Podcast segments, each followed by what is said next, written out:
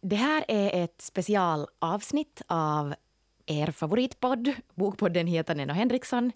Eh, den här veckan kommer ni att få höra en livepodd som vi bandade in under Helsingfors bokmässa i år. Och som gäst hade vi fantasydrottningen Och drottningen. och drottningen överlag, Maria Turchaninov. Det här är en Svenska Yle-podd. Välkomna till Bokpodden Hietanen och Henriksson som livepoddar från Bokmässan i Helsingfors. Vi är Ida Henriksson och jag Anne Hietanen och vi har mycket för oss speciell och många andra också speciell gäst idag, Maria Turchaninov. Välkommen. Tack. Jag minns när vi läste Maresi, så vi blev båda alldeles förtrollade. Och det var väldigt stort för oss att få ta del av din värld då i början, kommer du ihåg? Ja, vi ungefär ringde åt varandra mitt i natten för att det var en sån värld som åtminstone jag aldrig hade upplevt förut. Och hela den här liksom, att det är en värld som finns för kvinnor. Och det var helt, vi var helt förtrollade. Det var magiskt och det var alltså Maresi som kom, sen kom Naondel och nu är det aktuellt med, med jag, har, no, jag har en ganska så här tidig upplaga, den här är inte ens korrekt. Vi får visa Idas istället, breven från Maresi. Ja, det här är alltså tredje delen i din trilogi Krönikor från Röda klostret. Eller jag har börjat säga att det är en serie för vem vet. Yes, yes, det var det jag Oj, hoppades! underbart! Jag satt och funderade idag, ska det faktiskt ta slut efter det? Det här känns inte bra. Perfekt. De allra flitigaste har kanske sett, eller de som kan läsa här på screenen bakom oss, att det står att vi ska tala om feministisk fantasy och det ska vi också göra. Men före det så tänkte vi dyka in i lite hälsosam klimatångest. Eh, jag läste nämligen på Facebook att du skrev att klimatfrågor är viktigare för dig än feminism i ditt författarskap. Hur, mm, vad menar du med det? Jag tror att jag kanske skrev minst, minst lika viktigt. Um, jag har absolut haft i mina böcker nästan från början eh, ett mycket starkt miljötema, alltså att inte bara klimat utan, utan miljöfrågor överhuvudtaget. Det har att göra med, med vad jag har studerat, eh, jag är humanekolog och det här är någonting som alltid liksom har legat mig nära hjärtat. Det har ju för sig feminismen också gjort, men jag tror att um, vad ska vi säga, för mig har det alltid varit helt jättesjälvklart att jag är feminist. Jag har aldrig problematiserat det. Jag har aldrig, som yngre framför allt, funderar jag inte på det alls, utan det är väl klart att jag är feminist, vadå? Uh, medan miljöfrågor var mycket mer så att jag faktiskt liksom engagerar mig i dem.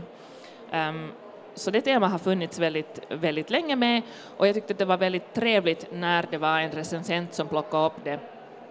När jag tycker att det har kanske gått lite trend i att nu ska man tala om feminismen för att det känns aktuellt i världen just nu, vilket det ju är, det är helt, helt okej, men det var väldigt roligt att någon också ville plocka upp det här miljöspåret. Var det här någonting som, som du har tänkt att det här måste du få med i dina romaner eller har det kommit naturligt? Inte har jag alls tänkt det, utan, utan jag skriver ju naturligtvis just om de frågor och de saker som, som är viktiga för mig, som jag tänker på, som jag bryr mig om, som jag brinner för, som oroar mig, som gör mig arg, och det kommer ju med sen i det jag skriver. Och det är ju mer aktuellt än någonting. Jag menar, det kan inte finnas någon feminism om det inte finns ett klimat. Precis, exakt. Om, Äh. om, om världen går under så, så spelar inte feminismen längre så stor roll. Mm. Fast precis som och för sig jag måste, måste poängtera att det var, eh, vi satt och diskuterade här på scenen tidigare idag tillsammans med mina kollegor eh, Hannele Mikaela Taivasalo och Mia Frank så talade vi om feministisk fantasy också. Um, och, och jag tror att det var Mikaela som, som sa att jag menar feminism är ju de facto också man kan också innefatta miljöfrågor till exempel i det begreppet. Det handlar ju om feminism behöver inte bara handla om genusfrågor. Exakt. Men uh, upplever du att, att du har någon slags plikt uh, att ta ställning i samhälleliga frågor i dina romaner? Jag tycker att som författare så har jag en plikt att skriva så bra jag kan. Betyder det att du inte har en plikt att ta ställning i samhälleliga frågor? Ja och nej. För sen om jag då tycker att vad, vad, tycker jag att är bra, det vill säga vad, vad, vad är viktigt, vad är bra, vad är brännande, um, så, så är det, men på något sätt vill jag inte ta ställning. Jag tycker kanske inte att, att det nödvändigtvis är skönlitteraturens Uh, uppgiften kan absolut göra det, men, men, men kanske viktigare än att ta ställning är att lyfta fram frågeställningar, lyfta fram problematik, belysa det från olika håll och förhoppningsvis få folk att tänka själva. Hur är det som författare och offentlig person? Har du där en plikt att föra dig på ett visst sätt när man tänker att det är ganska många unga människor som ser upp till dig, också så, äldre? Så nu måste jag vara perfekt? ja, hur skulle det vara om du skulle sitta här och, stå, och röka, det skulle vara väldigt underligt, men något annat, alltså, eller att du skulle helt enkelt, det skulle komma fram att du är en otrevlig person?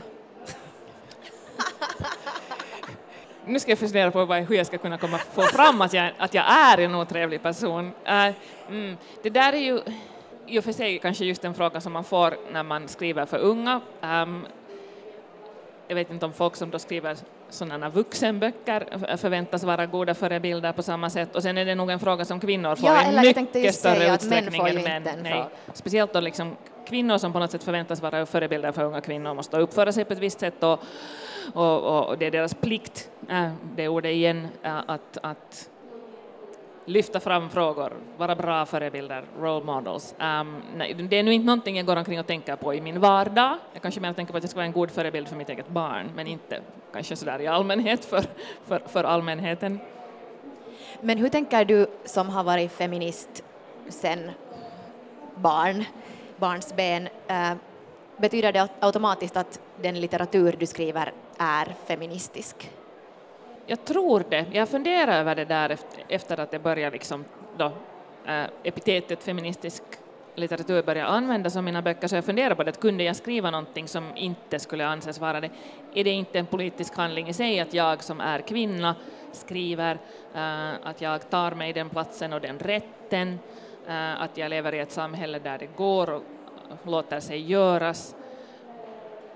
Och jag kom fram till att, att även om det inte är min intention när jag skriver att skriva feministiskt eller att skriva då, miljömedvetet eller, eller vad som helst, um, så tror jag att det, det, är omöjligt för mig att förneka att, eller det går inte för mig att förneka att mina böcker är det. Uh, och säkert skulle jag nog väldigt svårt, fast vi, vi, vi, vi satt och sa här idag att det skulle kanske vara roligt att försöka skriva en chauvinistisk fantasy nu då, uh, som omväxling nästa år sitter vi här med en annan rubrik. Men, men sen kan man samtidigt också fråga sig att vad är ens liksom, feministisk Precis. litteratur? Att är det i texten eller är det i läsningen eller och det, det, är också kanske just en av orsakerna till att jag liksom inte riktigt bekväm med äh, etiketten. jag tycker inte om etiketten naturligtvis på litteratur. Jag vill att också när jag tänker på mig själv som läsare, att om jag skulle få liksom framför mig en bok och det skulle stå att det här är en feministisk fantasy, um, så skulle jag inte bli speciellt glad, för jag skulle tänka att ja, nu har någon bestämt hur jag ska läsa den här boken. Jag vill läsa en bra fantasy och sen vill jag själv, eller en bra roman, och sen vill jag själv kunna se teman, strömningar, eh, tankeväckande frågor i den. Men jag tycker illa om att någon annan har gått och sagt hur jag ska läsa. Mm, måste litteratur och kanske då speciellt litteratur för unga, måste finnas någon slags, liksom, eller vad, vad om det skulle vara helt omoraliskt? Ha, liksom... I och för sig, jag har tänkt att det skulle vara väldigt trevligt att skriva en väldigt omoralisk hjältinna. Det, det skulle vara trevligt att prova på. Nej, men om jag svarar på det så här, att, att jag, jag, jag poängterar ju då hela tiden att jag vill skriva en bra historia, att det är min liksom, primära drivkraft och att jag sen efteråt kan säga att jaha, det här blev väldigt feministiskt eller det blev väldigt vadå, någonting annat. Uh, men sen finns det ju liksom vissa medvetna val jag har gjort, som jag har gjort medvetet kanske också uttryckligen för att dessa böcker då uh, marknadsförs som ungdomsböcker. Uh, och en av de sakerna var till exempel att i breven från Marese så ville jag att, att uh, det var mycket medvetet från min sida att den första sexuella upplevelse som Maresi har det faktiskt inte alls är den stora kärleken. Jag ville visa att en ung kvinna, alltså det, i ungdomsböcker blir det så hemskt lätt att åh, det är han med stort H och nu ska vi leva för evigt tillsammans. Um, att det inte behöver alls vara så att hon faktiskt får um, upptäcka saker och upptäcka sin egen kropp och det behöver liksom inte vara den stora kärlekshistorien och det är helt okej. Okay. Och det var nog ett väldigt medvetet val, om vi talar om det här med, med moral och, och, så här, då kan man då anse att detta är omoraliskt, det tycker inte jag. Men... Har läsarna kommenterat det och, och tyckt om det? Just det, nej, inte alls. Hur är det med den här tvåsamheten? Jag tycker också att här finns ett ganska viktigt budskap om att det inte helt enkelt heller behöver alltid vara målet. Det har, det har man inte heller... Nej, inte, inte specifikt den är du har ju läsare runt hela världen. Den, du har blivit översatt till åtminstone 22 olika språk. Har du märkt någonting att folk skulle reagera på olika saker i olika länder? Um, lite. Uh, jag får inte så hemskt mycket, jag menar också språkbarriären finns däremellan, jag har inte fått läsa kommentarer från Kina. Um, men, men uh, till exempel när boken kom ut i England så så fick jag från flera håll äh, höra att oj, att det är så uppfriskande med en ungdomsbok med en kvinnlig huvudperson som äter. Och det är inte någon konstig grej. Hon har inte någon ätstörning, hon är inte liksom, äh, ingen gör någon sak av det, det talas inte om någons vikt, utan hon bara äter för att hon tycker om mat och, och, hon har upplevt hunger så det är en viktig grej, en viktig del av hennes liv och det hade jag aldrig reflekterat över men sen insåg jag att det kanske stämmer. Men det var något som till exempel lyftes upp där. Det var ganska bra att, att de sa det för att du är faktiskt mästare på att beskriva just njutningen i, i att äta. Folk äter de mest konstiga saker men jag brukar alltid gå och äta extra mycket med när jag läser dina böcker och jag tycker oh, det är härligt. Det är som Enid Blyton, yeah! så var det när jag läste fem böckerna också, måste man ju alltid ha en smörgås. Men det du läste? Ja, ja förstås. Aha, okej, okay, jag gör det också. Jag tänkte låtsas att jag inte gjorde det. jo, men då var det, hörde ju till oss. Jag liksom, uh, fick jag någonting, alltså när jag var barn, fick jag någonting riktigt gott, en, en efterrätt, så frågade jag alltid att får jag ta den här och läsa samtidigt. Ja. För det liksom var två, som två härliga upplevelser förstärkte varandra så det blev liksom upphöjt i kvadrat. Men det är ju någonting med just fantasyn, liksom att, att du på riktigt kan skapa sådana utopier där, för att det känns ju som en en utopi att både det här kanske med ätande, men, men kanske främst liksom att, att du skapar till exempel kvinnliga rum som man bara kan drömma om idag. Eh, samtidigt som du inte heller liksom väjer för det här brutala och, och, och, mörka.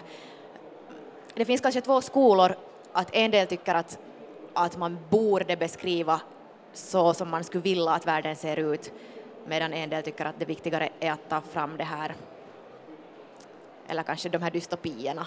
Hur, hur ser du liksom på den där tudelningen? Jag tyck, själv vill jag utforska världen från alla möjliga olika synvinklar och, och, och liksom, äh, belysa olika aspekter. Och, och, så att allt kan ju inte heller finnas i en och samma bok, att någon kanske mera blir lite mera då så här skulle man vilja att det var, fast inte vet jag om jag skulle vilja liksom nödvändigtvis om vi tänker på den första boken, att där finns en, en, en, en kvinnogemenskap på en ö som är relativt trygg um, och dit män inte får komma, så inte skulle jag ju egentligen vilja att den skulle behövas, för den finns ju där därför att de här kvinnorna behöver en tillflyktsort och en, fri, tillflyktsort och en fristad. Ehm, um, som idealet skulle då vara att det inte skulle behövas alls. Um, men jag, liksom verkligen, jag, jag, tycker det är spännande att kunna uh, utforska olika aspekter och se liksom på olika möjligheter, se på det kunde vara så här eller det är så här eller tänk om det vore på det här sättet. Um, och i breven från Maresi till exempel så var jag nog väldigt medveten om att jag ville liksom visa upp ett, eller jag ville att det samhälle som Maresi kommer från var ganska annorlunda än många av de samhällen som jag har beskrivit i de tidigare böckerna som utspelar sig i den här samma världen, där de facto alltså finns ännu två tidigare Arra och Anaché, att jag ville, ville äh, visa på ett samhälle där män och kvinnor väldigt mycket jobbar sida vid sida. De har sina väldigt nog i och för sig specifika uppgifter, precis som vi har haft i det agrara Finland och Norden um, väldigt länge. Det vill säga att kvinnorna sköter ofta djuren och, och liksom hemmet, männen är på åkrarna i skogen. Men allas uppgifter är lika viktiga för överlevnad, allas uppgifter och arbete värderas och är lika liksom, ja, viktigt för att man ska klara sig överhuvudtaget. Så det var väldigt liksom, medvetet exempel. Ehm, så då tyckte jag det var roligt att kunna utforska en sån miljö, en, sån värld, eh, efter till exempel den väldigt så att säga, hårt segregerade världen i Naundel. Eh, om vi ännu talar om de här utopierna och sen det här, eller det här det man önskar och sen det här som är riktigt hemskt så eh, ibland så skildrar du ganska så, eller väldigt otäcka scener. Hur vet du att hur mycket hemskt vågar du skriva, hur mycket tål läsarna? Jag tänkte kanske inte på det just med den här boken så mycket, för den tycker jag faktiskt är lite av den mindre hemska. Den tycker jag är lite trevligare än de andra, speciellt efter Naundel. Um, ehm, som, som, som, som, under processen med den liksom, så tänkte jag faktiskt nog ett, ett antal gånger att, att oj, oj, eh, att nu blev det väldigt mörkt och, och, nu blev det väldigt brutalt. Att kan jag faktiskt skriva så här och, och är det här okej?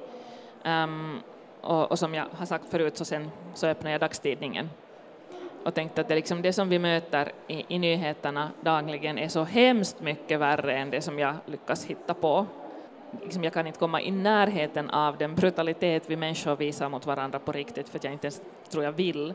Så att sen fortsatte jag att skriva. Men det är ändå någonting med skönlitteratur eller kanske sättet du skriver på att, att det kommer ju hemskt djupt in i en ändå. Att det är inte riktigt samma sak kanske som den där TV-rutan som man kan springa förbi. Ja, och också till och med närmare än, än jag menar att det finns en, en jättestor, ett stort intresse idag, äh, tänker jag, att också i skönlitteraturen skildra saker liksom så verklighetstroget och äh, liksom realistiskt som möjligt. Äh. Men jag gör ju inte de facto. Så har jag väldigt, väldigt lite, tycker jag, ähm, grafiskt beskrivt, beskrivt våld. Alltså jag, jag, så att säga, jag låter ofta kameran äh, glida bort när det, när det hemska händer. Och det, och det faktum är att vi sen som vuxna som vet vad som händer, vi fyller i det med vår egen fantasi. Ja, men det Medan till exempel yngre mm. läsare som inte nödvändigtvis förstår vad det är som händer eller inte har samma liksom erfarenhetsvärld som vi, så för dem är det inte lika hemskt. Uh, och också som, som, liksom, som vuxen tänker man så ofta just att om det är något våld som liksom, ett barn utsätts för eller så, så upplever vi ju det som så förfärligt hemskt på ett annat sätt än unga läsare eh, gör. Så bra sagt, det är ju sant, du har helt rätt. Det där, jag funderar lite... Och det gör ju att det kommer liksom närmare för att du måste fylla i det ja. med dina egna erfarenheter. Alltså man tror att det har varit mycket hemskare än vad, det vad du har skrivit. Aj, aj, vi har blivit lurade. Det, det, det sa Neil Gaiman en gång om, om han hade fått någon mamma som var väldigt upprörd över en, en eh, sexscen i hans bok och, och, hur kan du ha det här i en bok som riktar sig till unga läsare och så vidare bortåt. Och liksom, hon var väldigt upprörd. När faktum var att han beskrev ingenting, hon hade fyllt i det allt själv. Det där är så intressant. Um, ska vi prata lite om uh, hur, um, ja. alltså sådär som uh, helt tekniskt. jag, jag, är så fascinerad av det här, hur liksom när du skapar dina världar, kan du berätta helt sådär konkret, liksom, hur går du tillväga när du hittar på sådana här fantastiska ställen? det händer ju, varje bok blir till på lite olika sätt. Um, men, men om jag koncentrerar mig på breven från Maresi till exempel så, så var det första gången som jag hade lite problem med att skapa den där världen. I allmänhet så är, har det alltid varit det lättaste och roligaste för mig. Um, i Maresi så, så tog jag mycket liksom inspiration då från den grekiska övärlden, men blandade in lite annat. Uh, I Naundel, som i och för sig utspelar sig på många olika platser, så, så, så sökte jag liksom inspiration från många olika ställen och tids, tidsepoker i vår värld. Så jag gör ofta så liksom att jag läser på om Bysantium eller vad det sen vara må, så liksom tar jag lite därifrån och så läser jag på lite om, om, om kejsarstidens Kina och så tar jag lite därifrån liksom, och så blandar jag och, och så blir det någon slags förhoppningsvis bra egen soppa. Uh, och av någon anledning som jag inte längre minns, så när jag började skriva breven från Maresi och fundera på vad är det för ett ställe som Maresi kommer ifrån, uh, det finns nästan inte alls nämnt i den första boken om henne i Maresi så, så man, man förstår att det är fattigt, det är ungefär det och det inte finns mycket mat, men det finns väldigt lite annat beskrivet. Så att jag började läsa på, uh, då, som sagt av någon orsak som jag inte längre minns, om det medeltida Ungern. Tänkte att därifrån skulle jag kunna uh, ta lite inspiration och hitta en massa spännande och intressanta liksom, fakta och grejer och, och, och börja försöka bygga någon sorts uh, värld utgående från det här. Och det blev inte till någonting. Det blev en kuliss, det blev tvådimensionella, liksom, en, en tvådimensionell värld och det gjorde att de människor som jag försökte placera ut i den här världen blev helt tvådimensionella, för de hade ingen verklig miljö att förhålla sig till. Den värld de levde i var inte riktig, så då kunde inte de bli riktiga heller, för mina, den funktion som miljön fungerar i mina böcker är ju väldigt mycket att den formar de som bor där. Den är viktig därför att hur där, hur där ser ut betyder mycket för människorna i hur, hur, hur bygger de sina hus, alltså hur ser deras hem ut, um, på vilka sätt måste de skydda sig från elementen, uh, hur får de mat på bordet, mat för dagen, uh, vad är deras levebröd och, och, och ja, allt det här, det påverkar deras kultur, deras förhållande till varandra, det påverkar allting.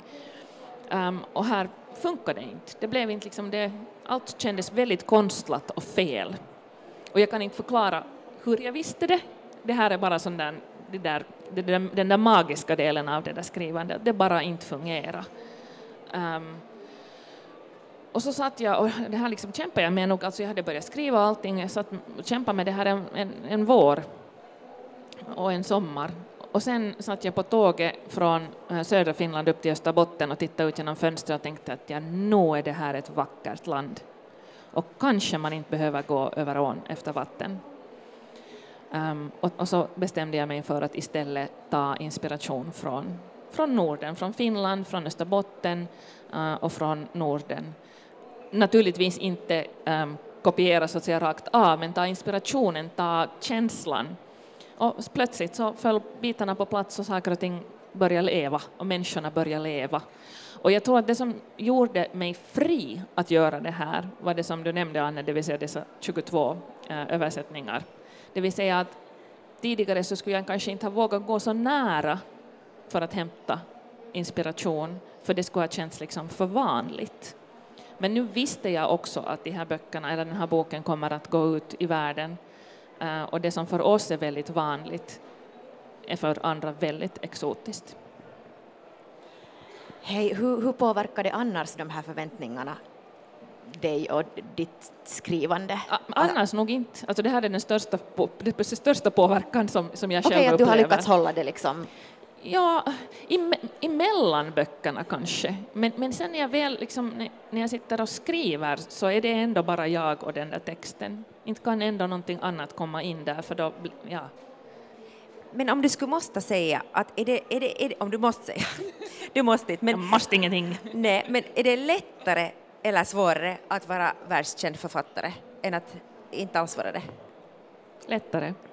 Vad har blivit lättare? Just det här. Hallå? um, nej, alltså, um, egentligen så har det inte påverkat tycker jag. Nu hemskt, mitt, liv ser exakt likadant ut. Um, ja. Kanske du har mera cash money? Lite, ja. Lite. Och då kan man då vara liksom friare också? Lite friare, men naturligtvis, det som det har påverkat rent sådär konkret är ju att, att jag har liksom vetat nu i några år vad jag ska skriva härnäst, eftersom inte alla av dessa 22 länder, men kanske en 15 till 18, jag kommer inte riktigt ihåg, beställ, liksom köpte alla tre böckerna på en gång när bara Maresi ännu var skriven. Um, och Naundel hade jag kanske börjat på och uh, den sista boken, den här, så hade inte ens en rubrik, en titel utan fanns, det fanns några meningars beskrivning av den. Så det hade ju påverkat naturligtvis att jag har vetat liksom, men jag kan ju inte säga att det, känns, det inte hade känts som något tvång eller någon stress, utan jag bara vetat att det här är det. uh, det har ju ändå kommit från mig själv, att jag visste att jag vill fortsätta på Maresis berättelse till exempel, och det kändes riktigt bra, men då har jag liksom vetat att det här är nu det som jag kommer att göra eh, de närmaste fyra åren. Det, Vi har samma fråga ja. säkert. Vill du fråga? Men är det samma? Det är den här? Det är den här. Ja, okay. det är den. då får du fråga. Uh, hur definierar du, eller vad betyder framgång för dig? Det talas så mycket om att, att du är den mest framgångsrika fantasyförfattaren för tillfället. Och liksom, ja, vad är framgång för dig? Jag vet inte, vad är framgång för mig? jag har inte funderat på det. Hjälp, det var nu, en, nu ställde du mig mot väggen. Ljuvligt för att det känns att folk är så besatta av framgång. Underbart att höra att du inte ens har funderat på det. Ja, du har väl jobbat? Ja. Alltså, det som, jag vet inte om jag kan säga att det som framgång betyder för mig, men det som ju så att säga ah, det låter så fånigt, men det enda som är viktigt för mig är att jag får fortsätta att skriva. Och det betyder ju den här framgången att den ger mig en större chans att få fortsätta att skriva. Att, liksom, att jag får, men, men det finns ändå aldrig någon garanti. Det finns aldrig en garanti att någon ger ut nästa bok. Det finns liksom ingen automatik i det här systemet. Uh, men, men det är det som, liksom, som det har betytt för mig kanske då, är just att okej, okay, det, det, verkar vara som att jag får fortsätta med det här. Usch vad jag är vag. Nej men det är jättebra. Men en, nu kom det just ett tecken att vi har bara en minut kvar. Men en fråga. Då att, att under alla de här framgångarna nu på sistone, så vad har varit sån riktigt stor grej för dig? Jag menar dina idoler, du, du, du har dig som idol och, och så vidare. Vad har känts störst? Har känt störst? Um, alltså nu är, det, nu är det på riktigt för mig jätte, jättestort att uh, ett brittiskt filmbolag har köpt filmoptionen på Maresi. Att, bara det att någon i England sitter typ och tänker på min bok um, är, är fortfarande för mig liksom, när jag någon gång satt och drömde Äh, att, att, så där lite att vad skulle vara trevligt, att vad, oj, oj, vad skulle jag drömma om att skulle vara fint, att skulle hända så hade jag liksom tänkt att det skulle vara fint att någon av mina böcker skulle bli översatt till något språk. Men engelska vågar jag knappt drömma om, för det är så jättesvårt, den marknaden överhuvudtaget. Um, så det var liksom sådär som jag just och just vågade nudda vid själv i mina drömmar, att okej, okay, engelska, uh, och sen att köpte de liksom alla tre böckerna på en gång och köpte filmoptionen och det var sådär what happened? uh, så, så det uh, är nog en, en jättestor grej för mig, plus att, att uh, jag vet vem som skriver manus, men jag får inte säga det. Men det är också en jättestor grej för mig. Underbart. Hej, tusen tack Maria Turchaninov. Tack till er. Tack. Tack till publiken här på Bokmässan i Helsingfors och tack till lyssnarna. Vi är Anne Hietanen och Ida Henriksson från Svenska Yles bokpodd. Hietanen och Henriksson, vi finns också på Yle Arenan där det kommer ett nytt avsnitt alltid på söndagar. Tack för oss!